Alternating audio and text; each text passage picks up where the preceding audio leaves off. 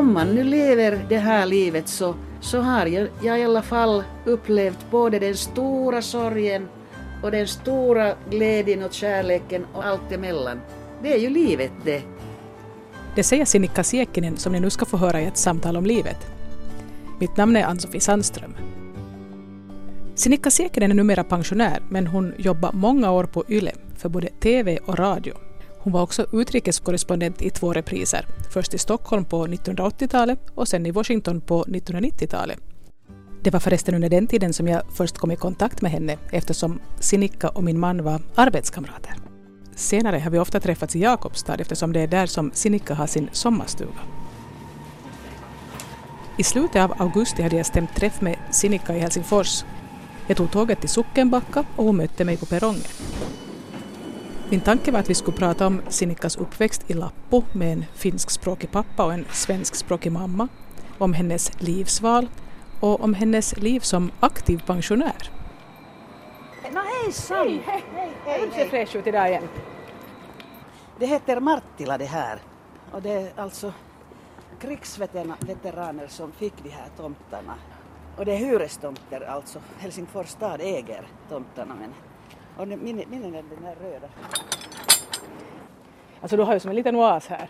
Ja, det är otroligt. Och så stor mark. Så, välkommen. Tack. Tror du man kan till och med sitta ute och, och spela in? Ja, det kan man Det är så, det är så, Det är så skönt väder. Ja. Jag kan tänka mig att så mycket som du har varit med om i ditt liv och allt vad du har gjort skulle räcka till flera program så, du får, du, så här får vi välja nu då vad som skulle, tycker själv att det varit det viktigaste. ja, som för dig liksom känns att hur blev du den Sinikka du är idag? Ja, säg det. Det är en lång, lång, lång resa.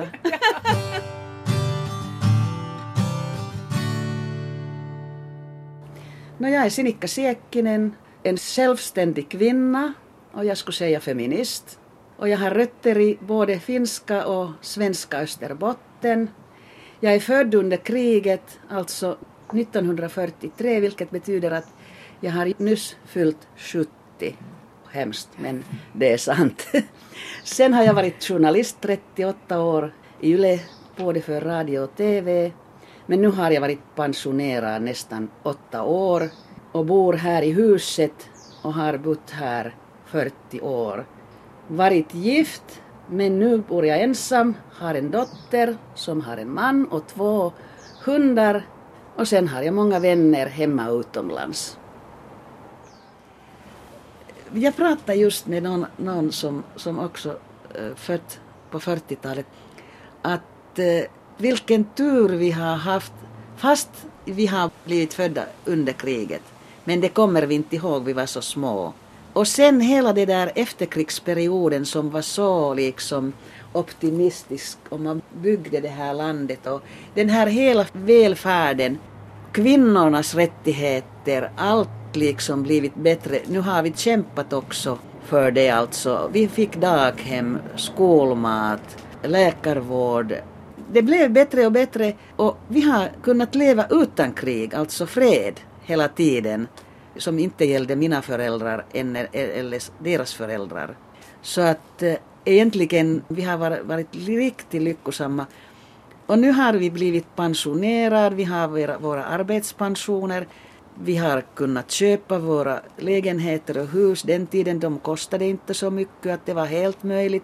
Att eh, nu måste man säga att, att eh, man kan vara nöjd, att in, inte kan man liksom börja pienistä turhista valittamaan. Ja, att man börjar beklaga sig över småsaker. Nej, liksom. nej. Man måste, man måste äntligen se den stora, stora bilden.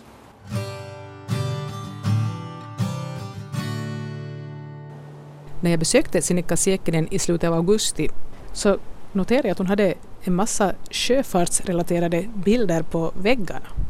Det är de där gamla segelfartyg som mina förföräldrar har ägt. De var ju skeppsredare i flera generationer från 1700-talet. Och mamman som alltid var så stolt över sin släkt berättade mycket om, om de där björkmanska och snäckendalska släkten. Och de där fartyg, de är just jättefina. Och hur många har jag här? En, två, tre, fyra, fem, sex, sju, åtta. Tiotals segelfartyg ägde de. Här är till exempel barkskeppet Salama, 290 läster. 1856, 1872 huvudredare William Snäckendal. Jag har hört my- mycket om det, det här alltså. Men Sinikka själv då, var växte hon upp? När jag växte upp i, i Lappo, den finska Österbotten, så att vi var en jordbrukarfamilj. Pappan hade nu utbildat sig till elektriktekniker eller vad heter det och jobbat eh, både i Jakobstad och sen i Jyväskylä under kriget. Därför jag är född i Jyväskylä att, att pappan jobbade under kriget, den där ammoni, vad heter det, ammunitionsfabrik. Men efter, efter kriget så pappa ville till hemorten och, och till familjens, familjens gård. Han ville bli en självständig jordbrukare och inte jobba för någon annan. Vet du, den tidens sån där österbottnisk man. Och där bodde vi och det, det intressanta är ju att mamma som kom från Jakobstad var sån där överklassflicka därifrån. Kom att jobba med, med en djurbrukare och kunde inte finska. Hur hade de träffats om det? De hade träffats i Jakobstad och mamma ha- hade sett min pappa någonstans ute på gatan och sagt till sin flickvän honom vill jag gifta mig. Och pappan kunde inte ett ord svenska. Så hur lyckades ni? Nå, vet du, mamma sa alltid att det var stor kärlek. Redan från början? ja, från bör- början. Pappa var eh, sex år äldre än, än mamma. Och mamma var, vet du, bara 19 och eh, det var vinterkrig då de träffades. Mamma bodde ensam med sin bror hemma i Jakobstad och, och eh, Susanna, hennes egen mamma, min mormor, var på fronten. Hon, hon var ju sjuksköterska så hon ledde en sjukhus, krigssjukhus vid Ladoga Din mormor? i Läskele, min mormor. Så att eh, mamma kanske kände sig lite otrygg och då han mötte sån, en sån där lite äldre good looking man så tyckte hon att han ska bli min man. En gång någon som såg en foto av min pappa där i Washington så din pappa ser ju ut som en arabisk prins. Därför att han var väldigt mörk. Han hade jättemörk hår. Han var nog good looking så att säga. Hur gjorde din mamma för att få kontakt med honom då? Jag vet det var väl någon dansställe där de möttes sen. Och eh, nu vet jag eh, sen då jag blivit vuxen att, att eh, pappan hade haft många flickvänner före min mamma. Men så han tyckte att eh, min mamma var så oskyldig och, och söt att han skulle få en bra hustru. Han, han tänkte att han kunde ju styra henne och pappan var lite sån där auktoritär människa. Mamman var så snäll. Sinikkas mamma, Brita, tillhörde alltså någon sorts överklass i Jakobstad. Och de hade stor villa i varvet där de spelade tennis och seglade. Och det var en sån där överklassliv. Att min mamma var van sån där alldeles annorlunda liv än vad det var i Lappo. Att de hade redan rinnande vatten, kallt och varmt och där Alm- Almsgatan 11 där de bodde stor tjänstebostad. Och den bästa tiden de hade tre hembiträde. Men hennes liv liksom, det kraschade då pappan dog. Han var bara 50 år gammal och mamma var 12-13 år. Vad hände med din morfar vid då? Eh, hjärtan. Då ändrade alltid, liksom min mamma sa att då var barndomen slut. Men var det någon som hade någonting emot att hon då gifte sig och flyttade till Lappo? Nej, det var... Susanna, Susanna, hennes mor, tyckte mycket om min pappa. Jag tror att, att Susanna var också lättnad att, att mamma hittade en så bra karl i, i alla fall. Men Susanna själv, hon var ju flicknamn Avunius så att hon kom ju själv från Karelen. Så att jag är sån där kvartalkarelensk Fjärdedels karelare. Ja, ja just det, kvartskarelare. Så att eh, inte kom, kom hon egentligen någon förmögen familj utan de var ganska fattiga. Men Susanna hade fått utbilda sig. Hur var det då med Sinikkas mor? Ville inte hon skaffa sig någon utbildning? Vet du, det, det hände att hon inte ens blev student därför att den våren hon skulle ha de där studentskrivningarna så de behövde inte skriva någonting bara utan de sanoi nyt mitä se on, niin kuin julistettiin ylioppilaiksi. De blev studenter utan att behöva... Ja, man förklarade dem studenter utan studentskrivningar därför att det var krig. Ja. Men mamma blev inte student därför att hon hade ehdo till finska. Aj, hon hade villkor i finska. Din mamma. Men det intressanta är här att, att ursprungligen Susanna Avonius var finskspråkig. Hon träffade Hjalmar Björkman som var svenskspråkig. Och sen deras dotter Brita som var svenskspråkig träffade en man som var finskspråkig. Att, Och, och här är du och talar både och. eh, bättre kunde det va- vara men vet du, mitt första språk var ju svenska därför att mamma kunde inte finska och hon pratade med mig hemma svenska och pappan var och jobbade. Men sen då vi flyttade till Lappo och jag började få bröder och en syster, vi är fem alltså, så sa pappan att nu i det här huset pratar vi bara finska.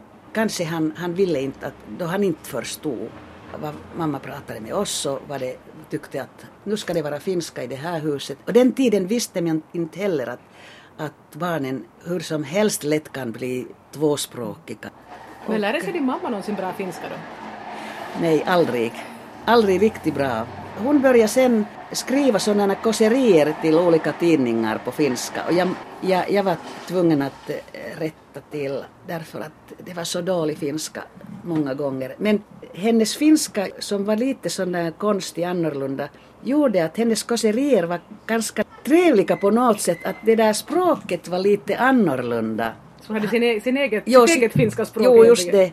Men det måste ju varit konstigt för din mamma att inte kunna då uttrycka sig och liksom... Säg det. Att, Nu först efteråt har jag tänkt att nu är det fr- fruktansvärt att eh, man blir förbjuden att prata sitt eget modersmål. Det är en, ett slags eh, psykiskt våld också det, på något sätt. Men förstås, eh, hon hade ju täta kontakter med, med sin mamma och vi var ofta i Jakobstad och vi mötte kusiner så att de försökte också att vi skulle ha sån där språkbad. Inte använde man det ordet den Nej. tiden. Men alltså att eh, jag var lite tvungen att, att säga några ord på svenska också när, därför att kusinerna ville inte heller prata finska. Så du var ofta liksom att träffa din mormor då i Jakobstad? Jo, jo. Varje jullov och under semestern då åkte vi alla barn till mormors villa. Det var alltid så att då höet hade bärgats sen fick vi åka till Jakobstad, till varvet och villan för två veckor till mormor.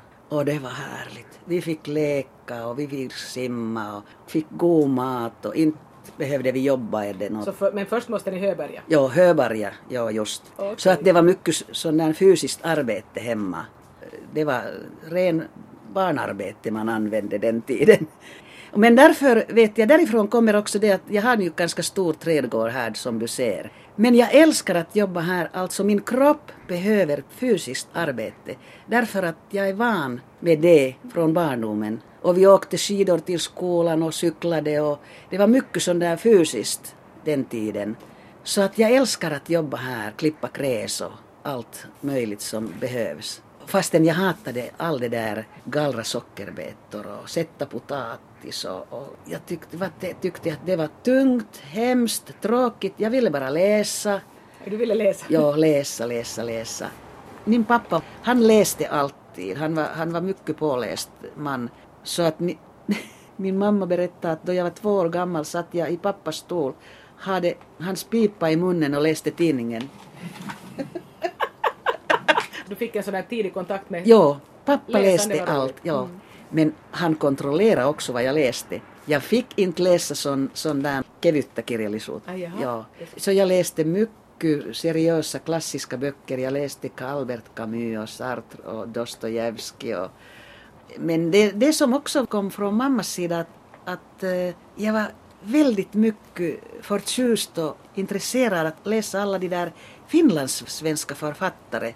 Edith Södergran, men sen Marianne Alopeus var väldigt viktig för mig. Sen kom Christer Kihlman, Gör Donner. Donner till och med skickade mig sina böcker. Jag skrev honom då jag var i gymnasiet.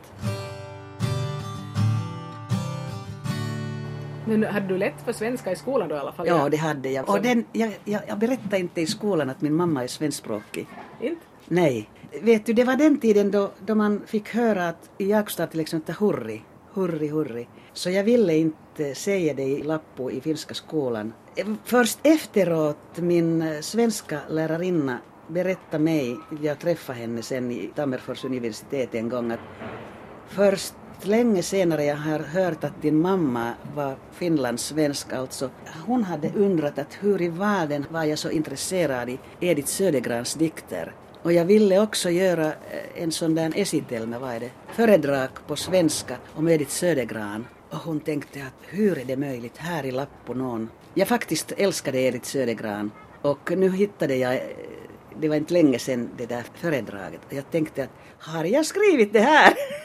Det var så bra vet du! Och då var du, Om jag säger det själv. Då var du tonåren alltså? No, ja, det var tonåren, ja. ja. Det var min dröm att komma ut i världen och få, få eget yrke och egna pengar. Och om jag bara kommer härifrån. Jag var så rädd att jag skulle förälska mig i någon, någon jordbrukare. Därför att det hade hänt min mamma. Och jag tänkte herregud om det skulle hända åt mig också. Men det hände inte? Nej. Du lyssnar till ett samtal om livet med pensionerade TV och radiojournalisten Sinikka Siekkinen. Hon berättade tidigare i programmet att när hon växte upp i Lappo så längtade hon bort och ville ut i världen och hon ville absolut ha ett yrke. Så jag frågade vilka yrken hon då tänkte sig när hon var ung. No, jag hade all, alla möjliga drömmar. Jag, då jag läste så mycket så tyckte jag att jag skulle en gång skriva också böcker jag själv. Sen var det förstås, eh, jag ritade mycket alla tråkiga eh, timmar i skolan så ritade jag alltid i mina böcker. Så tänkte jag att jag skulle till Ateneum, den tiden, den där konsthögskolan, vad hette det nu för tiden? Konstindustriella? Konst, ja, om jag skulle dit. Och sen tänkte jag att jag vill ju resa och se världen och inte hade vi pengar så att jag tänkte att om jag skulle bli flygvärdinna det skulle vara trevligt, då får man resa. Det hade ju sån hög, hög status den tiden inte numera någon oh my god om jag, gud att jag inte blev flygvärdinna värsta jobbet som jag vet. Men då jag var bra att skriva uppsatser i skolan och skrev sen laudator så, så den vägen blev det att jag tänkte att nej, no, men vad skulle, om jag inte blir författare och jag vill börja studera i Tammerfors eh, journalistik och mass communication. Det var ganska nytt den tiden, 63, 64. Det var trevligt sen hade de till och med börjat med radio och tv-linje som jag genast liksom gick in och så du hamnade snabbt den på tiden, den bara? Jo, jo. Och så den vägen kom jag till Yle också. Genast efter att du var klar? Ja. Jag kom först till TV-nyheterna. Vi var alltså pionjärer på något sätt och vis. Alltså, alltså, man hade inte haft TV-nyheter så många år att hela tiden de ville rekrytera nya människor. Vi var ju de första utbildade journalister, speciellt för radio och TV, så att förstås de ville ha oss genast. Men det, det var trevligt, vi var unga och det var spännande att jobba för TV. Det, det var någonting jättefint att vara i TV och nousi vähän hattuun kinekka.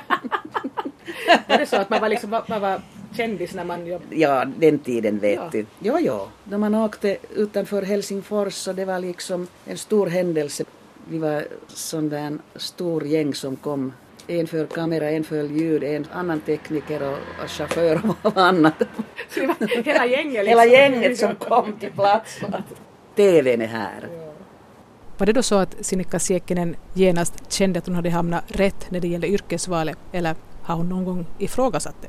Nej, nej. Vet du, det var helt klart att det här är det. Sinikka nämnde tidigare att hon som ung var rädd att hon skulle bli kär i någon jordbrukare. Och hon nämnde också att hon har varit gift. Du var inte en jordbrukare av allt att döma? Nej, nej. Nå vet du, mitt eh, första mål var inte att gifta mig. Jag tänkte att nej, det, det försöker jag undvika så länge som möjligt. Jag var inte den typen kvinna, utan jag jag hade läst min eh, Simone Beauvoir och min Virginia Woolf att en kvinna måste ha ett eget rum och egna pengar. Så att jag hade blivit nu feminist ganska tidigt. Jag vet inte hur, hur i världen blev det så.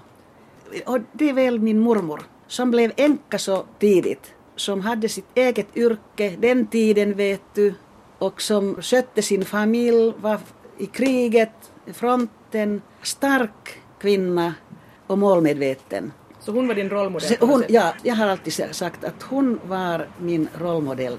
Och sen Lappu var, vi var en sån där gäng alltså att vi läste mycket. Vi läste alla möjliga klassiska böcker och, och jag kommer ihåg att eh, mina väninnors familj de beställde Osisuom i den där tidningen. Och Mir Mirja Bolgar var korrespondent i Paris och de tänkte att det var det härligaste vi visste, att, att man kunde le leva i Paris. Och hon säkert liksom skrev mycket om den tidens stränder och vi bara sug in dem och vi lyssnade jazz och, och det var tre biografer i Lappo. Vi såg alla klassiska filmer, amerikanska filmer hade jag sett där. Och, så att genom böcker och filmer och tidningar och magasiner fick jag kanske den där känslan att, att nej, jag vill inte gifta mig för tidigt. Jag vill resa ute till världen och, och ha eget yrke och, och på det viset. Så att jag var nästan 30 innan jag mötte min man i Stockholm.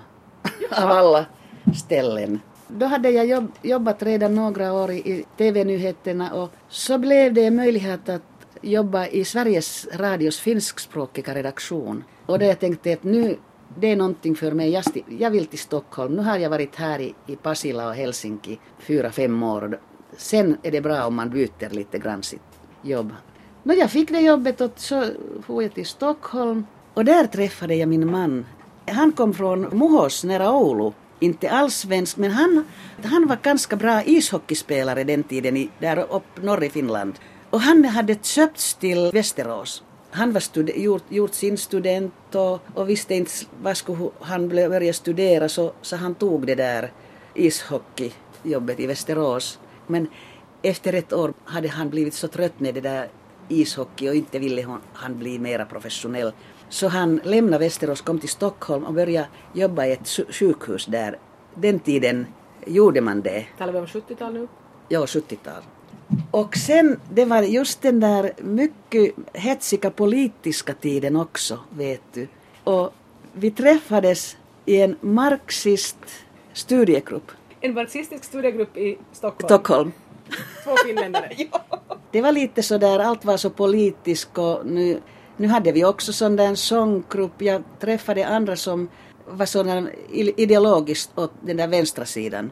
Så vi hade en sånggrupp också som hette Klasskamraterna. och det tillhörde att, att man ju skulle också lära sig lite det där teoretiska. Så att därför tyckte jag att, att jag ska börja också studera marxism. Och så fick du en man samtidigt? Och så fick jag en man, ja där träffades vi och började sällskapa och gifte oss Luciadagen 73.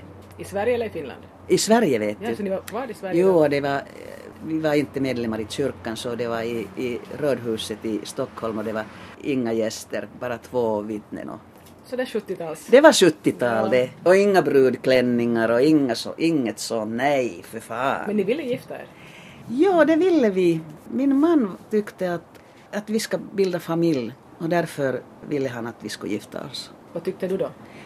Nå, jag sa att ja, det är jättefint att vi, vi ska gifta oss men inte tänkte jag att vi skulle skaffa genast barn fastän jag är ju redan 30. Men jag tyckte att nu kan vi vänta några år och bara ha kul tillsammans. Men han tyckte att när vi har gift oss så, så nu ska vi också få barn. Hur blev det då? Nå, det blev genast började jag sen vänta några och så blev det några 75. Och det var, det var jätteviktigt år därför att vi var nu politiskt aktiva, han var också. Men vi var aldrig den där Moskvatrogna sidan. Men vi var den där, vad heter det, majorit, enemmistö? Majoritets... Majoritetssidan, ja. ja. Vi gjorde det mycket klart att, att vi är inte taistoiter. Så din dotter föddes under kvinnoåret och det var ju inte jo, men, kvinnoåret 75? Men det som var ändå viktigast att Vietnamkriget slutade första maj 75 och sen på hösten föddes några. Och Vietnamkriget var därför väldigt viktigt för min generation, alltså att, att vi demonstrerade mycket och vi blev mycket medvetna om världen och kalla kriget gjorde att vi liksom studerade vad hände ute i världen, vem är vems sida och, och alla de där gerillarörelser och sånt jag tror att det var en sån där, e- ett slags livsakademi. Att vi, vi lärde och vi var intresserade. Vad hände ute i världen? Och vi trodde att det var vi som slutade Vietnamkriget därför att vi hade demonstrerat så hemskt mycket. Vi trodde att vi kan ändra världen. Men så blev det nu inte. Men kanske det var en droppe i havet i alla fall. Var bosatte sig sen den lilla familjen? Först flyttade vi en liten lägenhet här i stan, en etta och sen hittade vi det här huset. Så att som sagt, 40 år nästa år blir det. Och hur länge bodde du här med, den, med din man då? Nå, vi, vi skilde oss sen 84, 11 år. Ja. Det var inte lång äktenskap men, men nu tycker jag att det var till, tillräckligt lång. Och vi är goda vänner fortfarande. Så det var ingen sån där bitter skilsmässa? Nej, därför att just då fick jag korrespondentjobbet i Stockholm så att jag kunde flytta till Stockholm och jag kunde börja ett nytt liv på sätt och vis. Och intressant jobb. Det var aldrig tal om att han skulle följa med till Stockholm? Nej, nej. Då beslöt vi att nu ska vi göra allt klart mellan oss. Han lämnade huset åt mig och Nora, så han sa att nej, han vill inte att eh, vi, vi ska liksom, että tämä luopua tästä talosta. Ja, att ni behöver avstå från det här huset? Att, behövde inte ja, han ville inte att vi skulle avstå det här huset utan han ville att vi kunde fortsätta att leva här. Och, men några sen då jag flyttade till Stockholm och började som, jobba som korrespondent så, så beslöt vi tillsammans att Nora skulle stanna med sin far. Och faren hade redan förstås en ny kvinna den tiden. Det var Heidi som var med i bilden och jag träffade sen Heidi också och tyckte att, att hon var mycket bra, trevlig kvinna. Att nu vågar jag lämna några med, med, med pappan och med Heidi. Jag tänkte att det skulle vara nu bättre att, att ehm, hon stannar här än att jag tar henne till Stockholm. Och ändå, hon var då nio år gammal.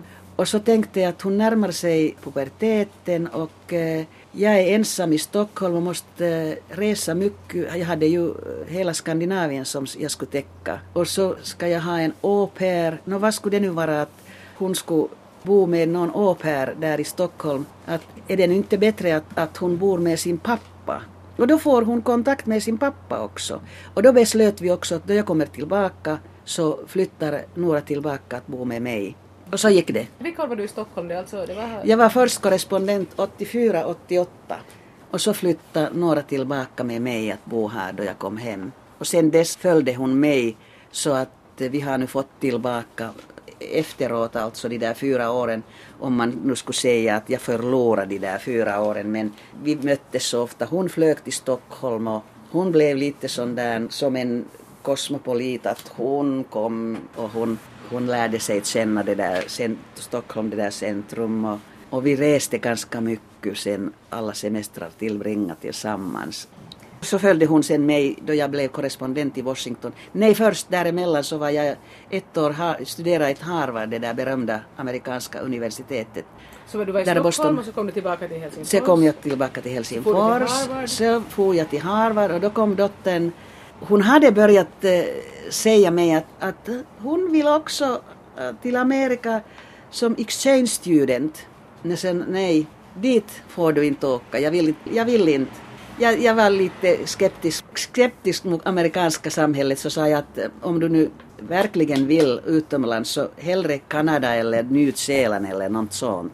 Men så, sen då jag fick eh, möjlighet att eh, jag fick ett stort stipendium att eh, börja studera Harvard ett år så kom jag hem och sa Nå vill du nu åka som exchange student till Amerika, nu får du dig. Får jag, sa hon. Jo, men jag kommer med. Så då fick hon åka till Amerika med mig. Det var fantastiskt år. Och så kom jag tillbaka igen. Då började jag jobba på radios politiska redaktion. Och så småningom blev det alltså Arne Tanninen som var nu evigt som korrespondent. i- Jo, han var ganska länge. han var 16 eller 20, 16 eller 20 år. Så att eh, då det blev klart att, han skulle sluta och pensionera sig så, så tänkte jag att ska jag nu söka det där jobbet alltså. Jag hade egentligen ingen lust att det var bara två år emellan då jag kommit tillbaka så jag tänkte det kom för tidigt för mig att, att nu igen till Amerika. Att jag, jag trivdes så mycket bra hemma och här i huset och mina vänner och allt. Men så ringde jag en min väninna och sa att vad gör jag? Att, ska jag nu söka det där jobbet? Att, att hur orkar jag dit igen? Och jag hade fyllt fem, 50 redan så att jag var inte så hemskt ung mera. Så hon sa att men Sinikka, du måste tänka att vierivä kivi ei sammanloidu. Rollande sten, kan man säga på svenska det? Ett rollande sten... Det- Mös, Det växer ingen mossa på rullande stenar. just det.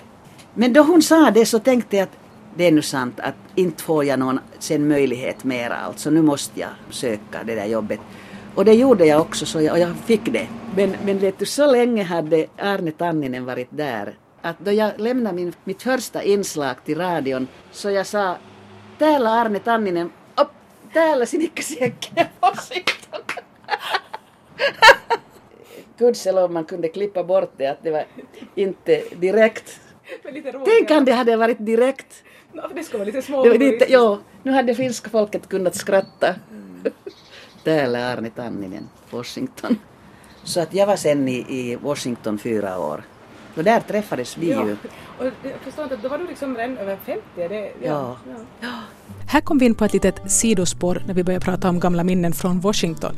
Och Sinikka kom ihåg att vi en gång tillsammans gick på en absurd kvällskurs i hur man skulle gifta sig rikt. Hur ska man bete sig? Bete, Jag minns också det där, för det var så... Det var så bete sig att, att kunna marry rich. Men inte till den här dagen har jag kunnat marry mig rich. Även om jag har gått kurs. men har du velat då? Skulle du ha velat? Nej, vet du, det är nog sant. Mina vänner och väninnor säger att, att um, du är så krånglig att det, det inte duger någon åt dig. Men det är inte sant vet du.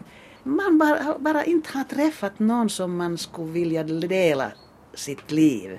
Jag vill inte göra kompromiss eh, mera. Vi var mycket kära min, med min man. Det var lik, riktigt stor kärlek, det måste jag säga som min ma- mamma sa också. Att det sa vara bang. Men alltså sen, om man inte sen efteråt eh, når detsamma så varför? Och trots att det för Sinikka inte var speciellt viktigt att gifta sig så är hon glad att hon gifte sig den där ena gången. Det var nu det bästa som hänt att jag träffade en man som ville gifta mig med mig och även om jag var så pass feminist och allt möjligt och, och ville ha barn. Därför att det var inte min prioritet. Men sånt ångrar man sen, sen inte. Och vi hade jättetrevligt tillsammans så länge det varade men sen, sen blev det, vi hade ju också, det har kommer du väl ihåg att vi hade också en son.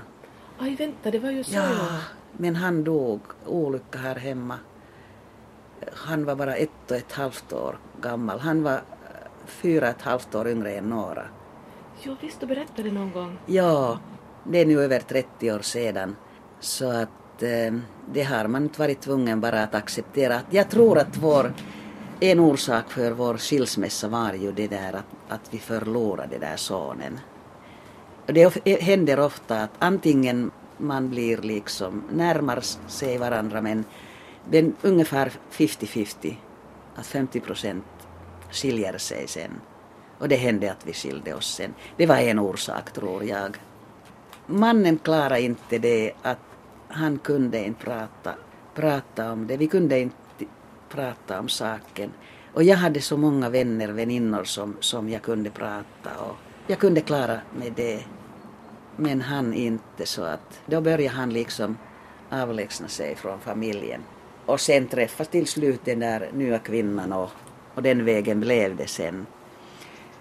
Men nu var det svårt, två år så kommer jag inte ihåg någonting. Jag var ju sjukskriven sen två veckor först och jag hade kunnat vara hemma ännu längre men jag sa att nej, nu måste jag komma till det där normala, börja jobba och några gick till dagis. Och det, det viktigaste var att, att eh, klara mig några, så normalt som möjligt.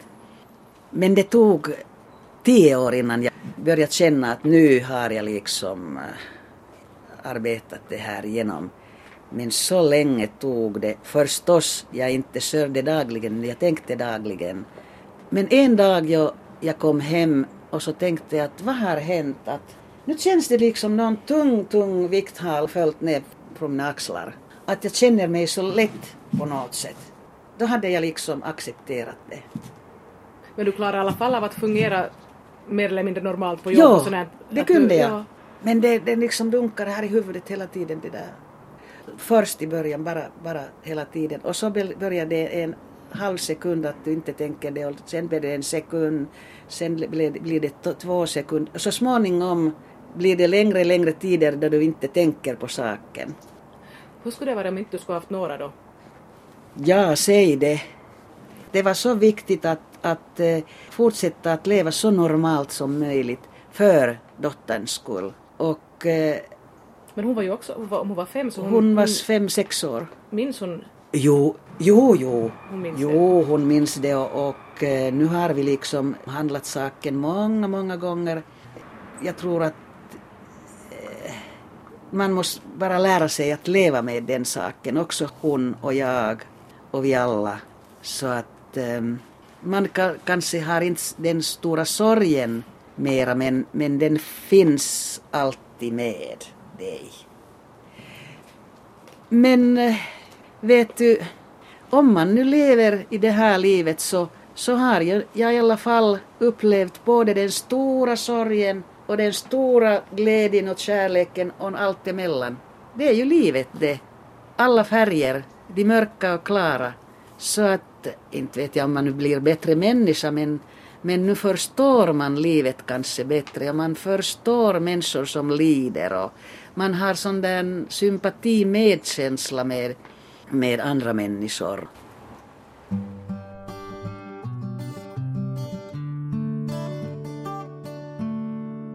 Du lyssnar till ett samtal om livet med Sinikka Siekkinen som är pensionerad radio och tv-journalist. Och jag råkar veta att hon inte alls har varit passiv sedan hon blev pensionär. Utan hon har börjat med något alldeles nytt. Jo, jag började måla. Genast du blev pensionär?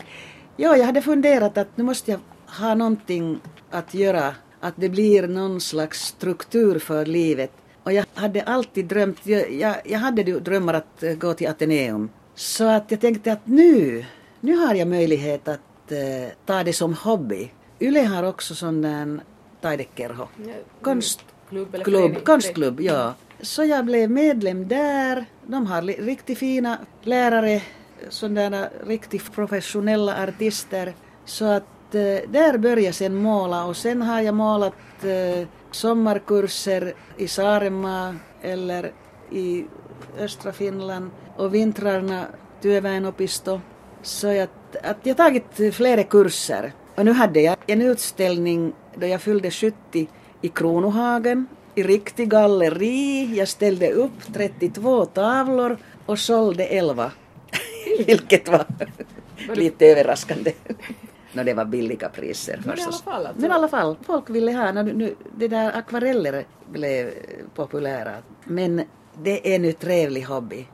Men så du tror att det är viktigt att man har någonting att om man, för du verkar ju ha faktiskt trivs med ditt jobb, du har liksom älskat Ja. det du har gjort, att när det sen inte finns kvar att man har någonting annat. Jo, det är jätteviktigt.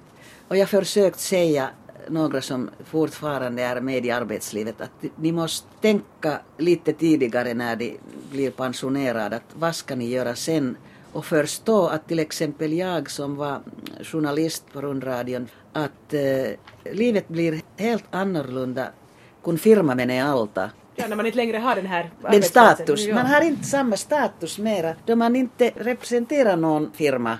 Så att inte får du såna inbjudningar och inte blir det dinnerparties och resor eller någonting. Så jag, jag visste det, jag hade tänkt det genom att sen är det slut och det måste du acceptera och då måste du hitta något annat. Det är också viktigt också att du har andra vänskapskrets också än det som du jobbar med, att kollegor det konstiga är nog att, att eh, det finns inte så många som blev kvar då jag blev pensionerad, att som jag umgås fortfarande. Det är bara ett par, två, tre par stycken. För att du själv inte vill eller för att du har hittat andra kontakter? Det är väl det att de, de som jobbar fortfarande, deras liv är så annorlunda, intressena är annorlunda. Att eh, de väninnor som jag nu har som jobbar fortfarande, det är trevligt att, att träffa dem så får jag veta vad händer där, där i redaktioner. Det är trevligt att jag, jag har nu de få ändå. Men det här området där jag nu bo, bott nästan 40 år, det är så härligt vet du, nästan de flesta av mina väninnor och vänner och familjebekanta bor här samma område. Så att jag kan ta, ta cykel och cykla till någon granne där och kan jag få en kopp kaffe och har du tid eller kan du komma hit, kom och drick kaffe. Så det är så härligt att man, man har den vänskapskrets som man har haft nästan hela sitt liv då jag, vi flyttade hit. Och den är nu så viktig. Och eh, det är bäst att ha andra vänner också än bara kollegor. Därför att det blir så tomt sen om man inte har skapat något annat liv omkring sig. Jag tänkte på det här när du pratar så mycket idag om att man ska jobba längre och längre. Var du beredd att sluta jobba då eller skulle du ha velat fortsätta? Jag fortsatte ju tre år. Jag hade kunnat pensionera mig då jag fyllde 60. Jag tillhör den generationen i Yle. Men jag var inte eh, beredd för det. Jag sa att nej, jag, jag tycker att äh, inte vill jag pensionera mig ännu. Den tiden jag, jag jobbade som politisk redaktör i ra, radions nyheter. Och jag hade gudskelov en chef som sa jättebra, jag tycker att du ska stanna, vi behöver en kvinna. Jag var den enda kvinna också som politisk redaktör att, att hon tyckte också, jag tyckte att det behövs nu flera kvinnor. Så jag, jag kunde fortsätta ända tills jag blev 63. Nu, nu EU, EU säger ju att, att människorna måste ha rätt att uh, jobba ända till 68. Och det var många som, kollegor som kom till mig och sa att varför du inte prövar om du kan fortsätta ända till 68. Och det var många kollegor som sa att pröva att fortsätta men sa jag att nej nu, nu vill jag pensionera mig därför att nu känner jag att jag vill göra något annat också här i livet, inte bara jobba. Även om det, det, det var fortfarande trevligt och intressant och jag älskade varje dag att gå till jobb men jag bestämde mig, nej nu blir det något annat. Ännu då jag är frisk och jag har intresse för andra saker också lite resa och börja måla och... Men jag antar att du fortfarande har ditt samhällsintresse kvar? Jo. Det kunde jag märka. att, nu, att inte du så att du inte skulle följa med vad som händer i världen nu? Nej, vet du. Det, det var, I början var det nästan svårt att lyssna och titta på TV-nyheter och lyssna radio. Och jag tänkte, fel gjort igen. Varför frågar de inte det och det och det? Och ja, det var liksom pinsamt då man liksom kritiserade hela tiden och jag måste nästan tejpa telefonen att jag ska inte ringa och ge feedback alltså. Att, vad fan, de kan inte uttrycka och oj, oj, oj, oj. Så kan man bli, vet du. Det, var, det tog kanske ett år. Sen kunde du släppa Sen, det? Det kunde jag lugna ner lite grann. Och nu är jag helt lugn. Och hellre om jag ser eller hör någonting att någon ung redaktör har gjort någonting bra så, så kan jag liksom ge feedback och säga fint gjort jag vill inte det negativa. Jag vill nu, om jag ger någon kommentar, det gör jag gärna, men jag försöker att göra inte... Men då jag verkligen tycker att nu, nu har någon gjort riktigt bra jobb så, så ger jag positiv feedback. Därför att jag vet hur viktigt det är. Och jag har märkt hur glada människorna blir att, att de liksom svarar genast och säger att oj vad härligt, det var nu trevligt att höra det här och och sen de säger, och vi uppskattar dig så väldigt att det var nu fint att få av dig det. så jag får själv också lite uppskattning alltså. Att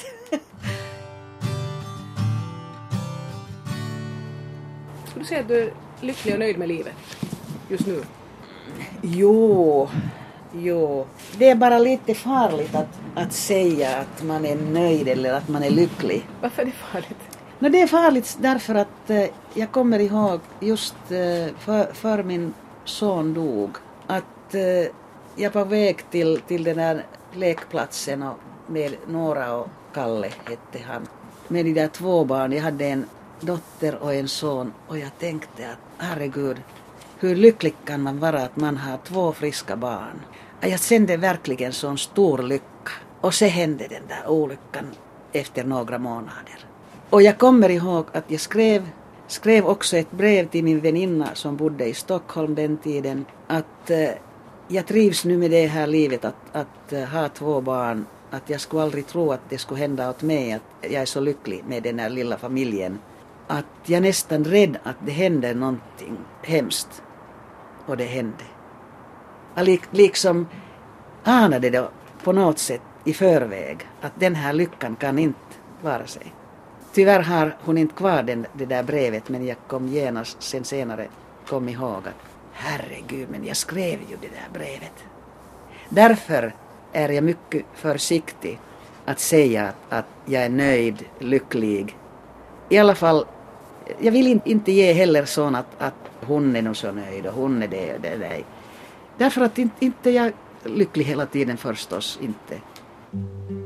Till slut frågar jag Sinikka Sekinen ifall det ännu är någonting hon skulle vilja tillägga. Det kan jag säga att jag varit eh, tio år av mitt yrkesliv har jag bott utomlands. Och jag måste nu säga att eh, ju längre du är borta desto mer får du hemlängtan och att du börjar uppskatta ditt hem, dina vänner, ditt land. Det händer bara. Och finska språket är ju, det egna modersmålet är ju så viktigt att inte kan man uttrycka sig med något annat språk så bra som med ditt eget modersmål så att jag ursäkta, min svenska är inte Men det är ju ditt, din modersmål. Det är mitt, ja det är det, sant. Din moders... Det är modersmål. Ja. Och finska är fadersmål. Ja. Det sa Sinikka Siekkinen. Och jag som har gjort Samtal om livet den här veckan heter Ann-Sofie Sandström.